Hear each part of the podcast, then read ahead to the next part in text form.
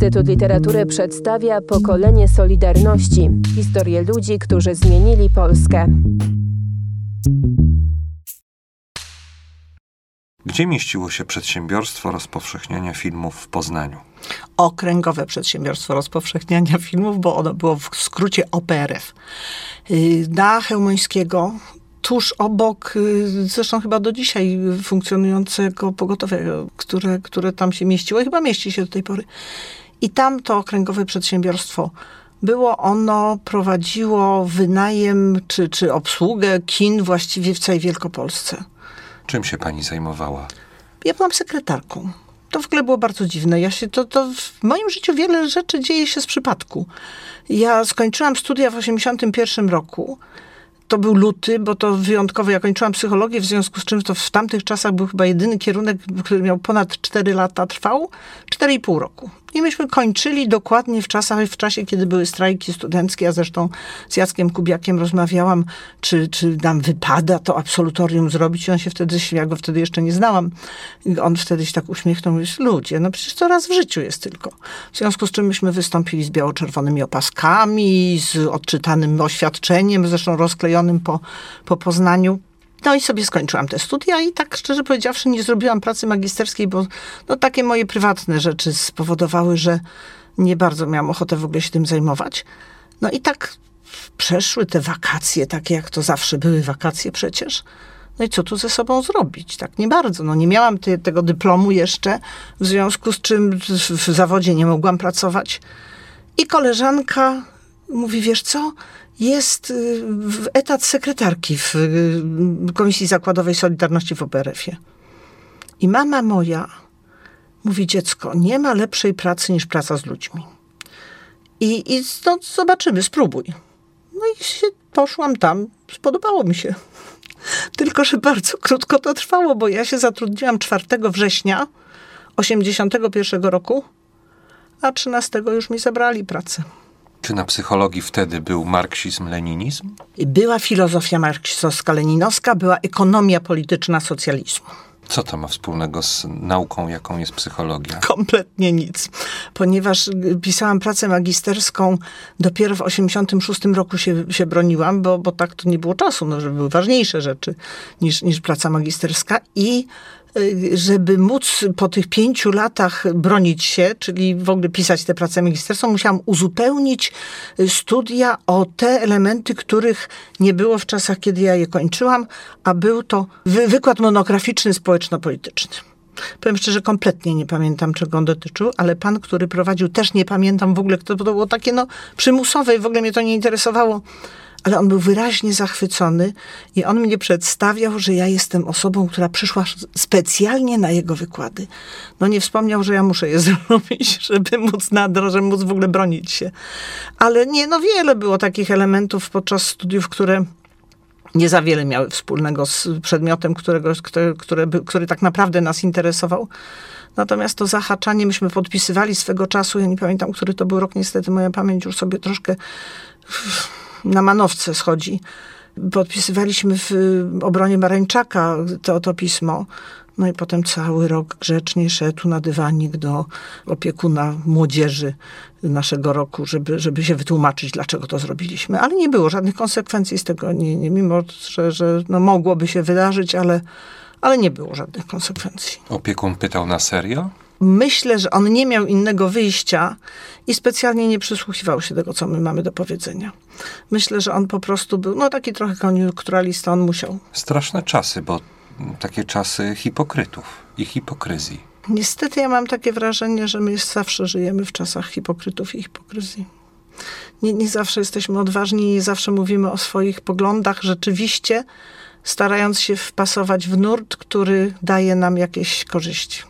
Mówię my, bo my ludzie, no niekoniecznie, nam, pewnie, że nas jest sporo takich, którzy sobie próbujemy jakoś radzić z tym i, i, i staramy się mówić otwarcie o tym, co myślimy i jak myślimy, ale, ale jednak w większości chyba wygoda, to, co, co jest ważne w życiu, niekoniecznie idee, to czasem przeważa. No ale Solidarność była zaprzeczeniem tego. No właśnie i dlatego jak w tym 81 roku tej Solidarności trafiłam, No to mi tak zostało do dzisiaj. Powiem, nigdy w życiu by mi nie przyszło do głowy, że ja będę pracować w tym do końca życia. Do końca życia, do końca życia zawodowego. Bo, bo ja miałam zupełnie inne ambicje dawno, dawno temu. Ale to jest praca, która daje satysfakcję i daje właśnie tą możliwość mówienia głośno tego, co się myśli. Nawet jeżeli, bo mamy w tej chwili też różne poglądy, przecież związek nie jest jednolity, ale jednak tutaj wolno mi powiedzieć, co myślę, nawet jeżeli myślę inaczej niż to grono, w którym jestem. Z czym do pani przychodzili ludzie w 81 roku, w kwietniu, do młodej sekretarki? Z kawą, z kwiatami. Ja byłam starsza ścierka podkuchenna, ja byłam sekretarką i do mnie się przychodziło ze sprawami pod tytułem yy, no, no to a może tutaj byś załatwiła to, bo tutaj mamy, yy, musimy wybory przeprowadzić, a tutaj jakieś papierki są potrzebne. Ja nie załatwiałam rzeczy ważnych. Do momentu, kiedy nie powstał genialny pomysł w regionie, żeby wejść, to była ta akcja wtedy, zejdziemy z murów, gdy wejdziemy na anteny radia i telewizji. I powstał taki pomysł, że ponieważ my mamy w kinach, prawie jak w każdym kinie były, były organizacje zakładowe, mieliśmy możliwość przeforsowania w kinach y, tej akcji przed seansami.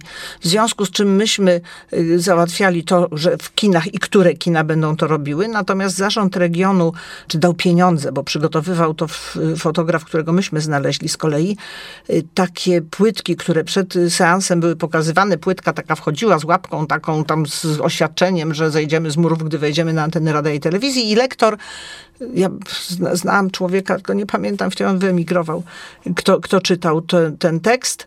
Mimo, że byłam sekretarką, to ja to wszystko od początku do końca załatwiałam. No i załatwiłam przy okazji sobie męża. A szefostwo pozwalało kin na tą łapkę, na to oświadczenie? Tak. To było oficjalnie To załatwione. było oficjalnie załatwiane, tu nie było żadnych problemów.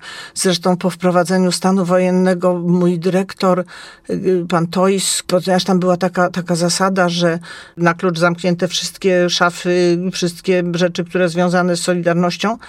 I on tak w poniedziałek, pewnie koło południa zadzwonił do mnie, pani Ewo, czy można już szafę zamknąć. A ja to zrobiłam już wcześniej, bo ja w niedzielę pojechałam do firmy. Tam siedziała tylko na portierni taka pani, która była bardzo wystraszona tym, co się dzieje. My mówimy o 13 grudnia. Mówimy o 13 grudnia. I ja y, mówię, wie pani co, ja mam tam swoje rzeczy, ja mam buty swoje, mam radio, ja się boję, że jak oni tu wtargną, to mi zabiorą to wszystko, czy ja bym mogła wejść. I ona mi pozwoliła. No więc przyjechałam z dużą torbą z dużą torbą wyszłam. Nie zdążyłam wszystkiego wziąć, ale wzięłam protokolarze, pieczątki, takie najważniejsze rzeczy, które mi się wydawało, że, że no, mogą przepaść. No ale mimo tego jeszcze z panią przewodniczącą, panią Dominiczak Emilią, jeszcze, jeszcze tam poczyściłyśmy, co się dało i pan dyrektor zadzwonił po, w południe, czy już można szafę zamknąć, po czym się okazało, że myśmy zapomniały o czymś. To jeszcze była otwierana i plombowana na nowo, także że się udało wiele rzeczy wynieść z tego. To wspomnijmy o mężu, bo to jest ważna postać. Julian właściwie od samego początku, jak tylko Solidarność się zaczęła, to on już wylądował u państwa Kubiaków, pomagał w y, rejestracji organizacji. Od samego początku, potem na Długosza i był w tym, w tym trzonie takim y, tworzącym organizację. Po czym po wyborach y, z lekka skonfliktował się z Cegielskim. Którejś kolejnej tury w wyborach dochodził, dochodził, dochodził. W końcu mu się nie udało. Przy każdej kolejnej miał trochę mniej głosów, ale potem zaczął prowadzić punkt kolportażu informacji. No i to była ogromna działka, dlatego że poza tym, że, że właśnie takie akcje były robione, to Julian prowadził taką bibliotekę.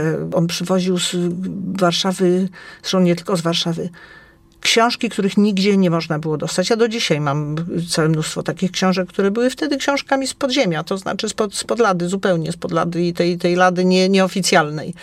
Ja pamiętam, jak się wchodziło do zarządu regionu, to kolejka do tego y, działu kolportażu i do y, tej, tej księgarni, aż na schodach gdzieś wysoko do pierwszego piętra się ustawiała. Nie o Julianie opowiadać to by trzeba było bardzo długo. 13 grudnia wracał z, z regionu y, z koleżanką i poszedł do niej, ponieważ to była zima dosyć śnieżna. Julian y, no, wylądował u niej, y, zdjął buty i skarpetki powiesił na kaloryferze, zresztą, żeby był na bosaka. I w momencie, kiedy przyszli o tej 12 w nocy, nie, nie chcę wymieniać jej nazwiska, bo ona nawet prosiła kiedyś, żeby, żeby tego nie wspominać. Ona z, z, zabarykadowała się, Julian w łazience się zabarykadował, ona w, w drzwi tam, nie, w ogóle nie wpuścimy, no, oczywiście rozbili te drzwi, wtargnęli do, do mieszkania, ale traf chciał, że mojej siostry przyjaciółka mieszkała w tym, w tym domu. I jej mąż, ponieważ słyszał jakieś takie wielkie wrzaski na górze, ta, ta dziewczyna wołała, żeby zawiadomić zarząd regionu, że tu się tam włamanie, że policja. I on pobiegł na ratunek. No a policja, milicja, stojąc na tym piętrze, proszę Państwa, proszę się nie zbliżać, tu jest niebezpieczny przestępca, on ma broń. No więc ludzie się oczywiście wycofali. Także z tego domu Julian w, na bosaka, w kajdankach był wy, wy, wywlekany wręcz. No i tak wylądował w Gębarzewie na bosaka w tym śniegu. Janusz Pałubicki mu rękawiczki dał, co Julian pamiętał do, do końca, zawsze to wspominał, mimo że był taki moment, kiedy oni się nie za bardzo zgadzali. Zresztą jak ja opowiadam o tym, jak mi Julian opowiadał, to zawsze taka klucha w gardle, bo to taka wyjątkowa rzecz. No zresztą jak ich wieźli do tego Gębarzewa, to też był taki niezwykły moment, w którymś momencie poczuli gaz. W, w tym, w, bo oni jechali tą kibitką taką zamkniętą, Julian zresztą w klatce, takiej oddzielnej, papierosa mu podawali przez dziurkę od klucza, bo Julian strasznie dużo palił.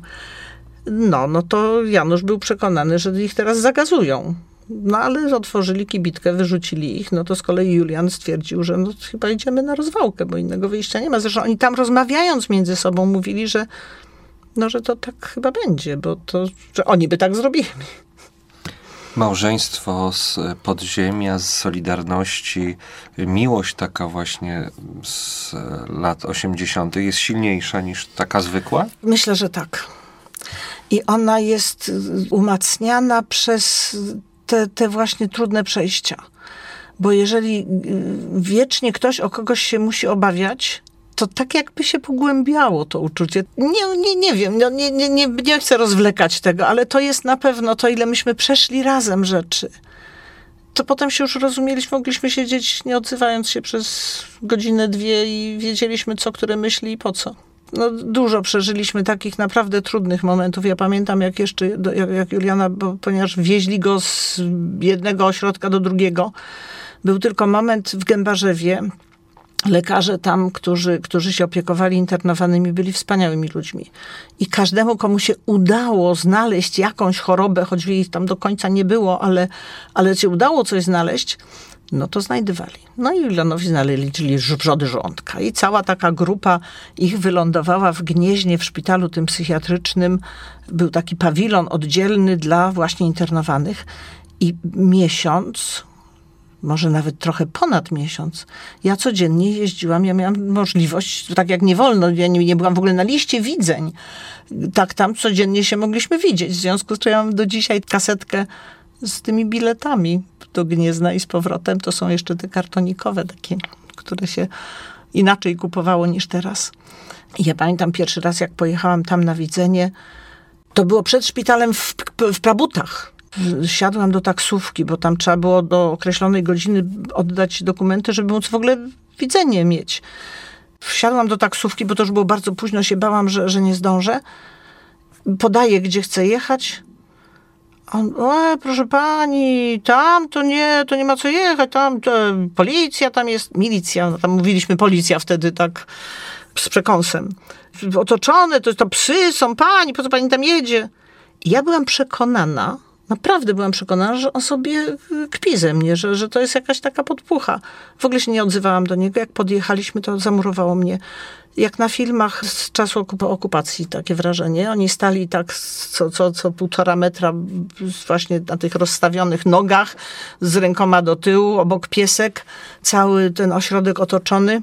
I okazało się, że, że no, ja przyjechałam w niedzielę, to było w sobotę, oni mieli zakaz tam widzeń, w związku z czym więźniowie się zbuntowali, w związku z czym przyjechała ten tenta, czy to było bicie, straszne rzeczy. Ja się uparłam, ja poszłam tego y, dyrektora i powiedziałam, ja, mnie nie interesuje, jak ja się muszę z mężem zobaczyć, znaczy nie był mąż jeszcze, z narzeczonym, zobaczyć, bo, bo ja nie, nie wierzę, że on żyje.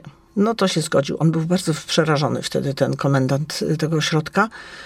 I jak ja czekałam na Juliana, on wszedł, on mnie nie poznał. w ogóle był taki, wyglądał strasznie. On dostał pałą w głowę już po ścieżce zdrowia, już po obdukcji lekarskiej, wracał do celi i przed celą został uderzony w głowę z tyłu pałą i rozbił się o, o drzwi. Więc z tym wstrząśnieniem, te oczy takie podbite, do dzisiaj to jest takie bardzo nieprzyjemne wspomnienie. Pokolenie Solidarności. Cykl podcastów przygotowanych przez Instytut Literatury w Krakowie.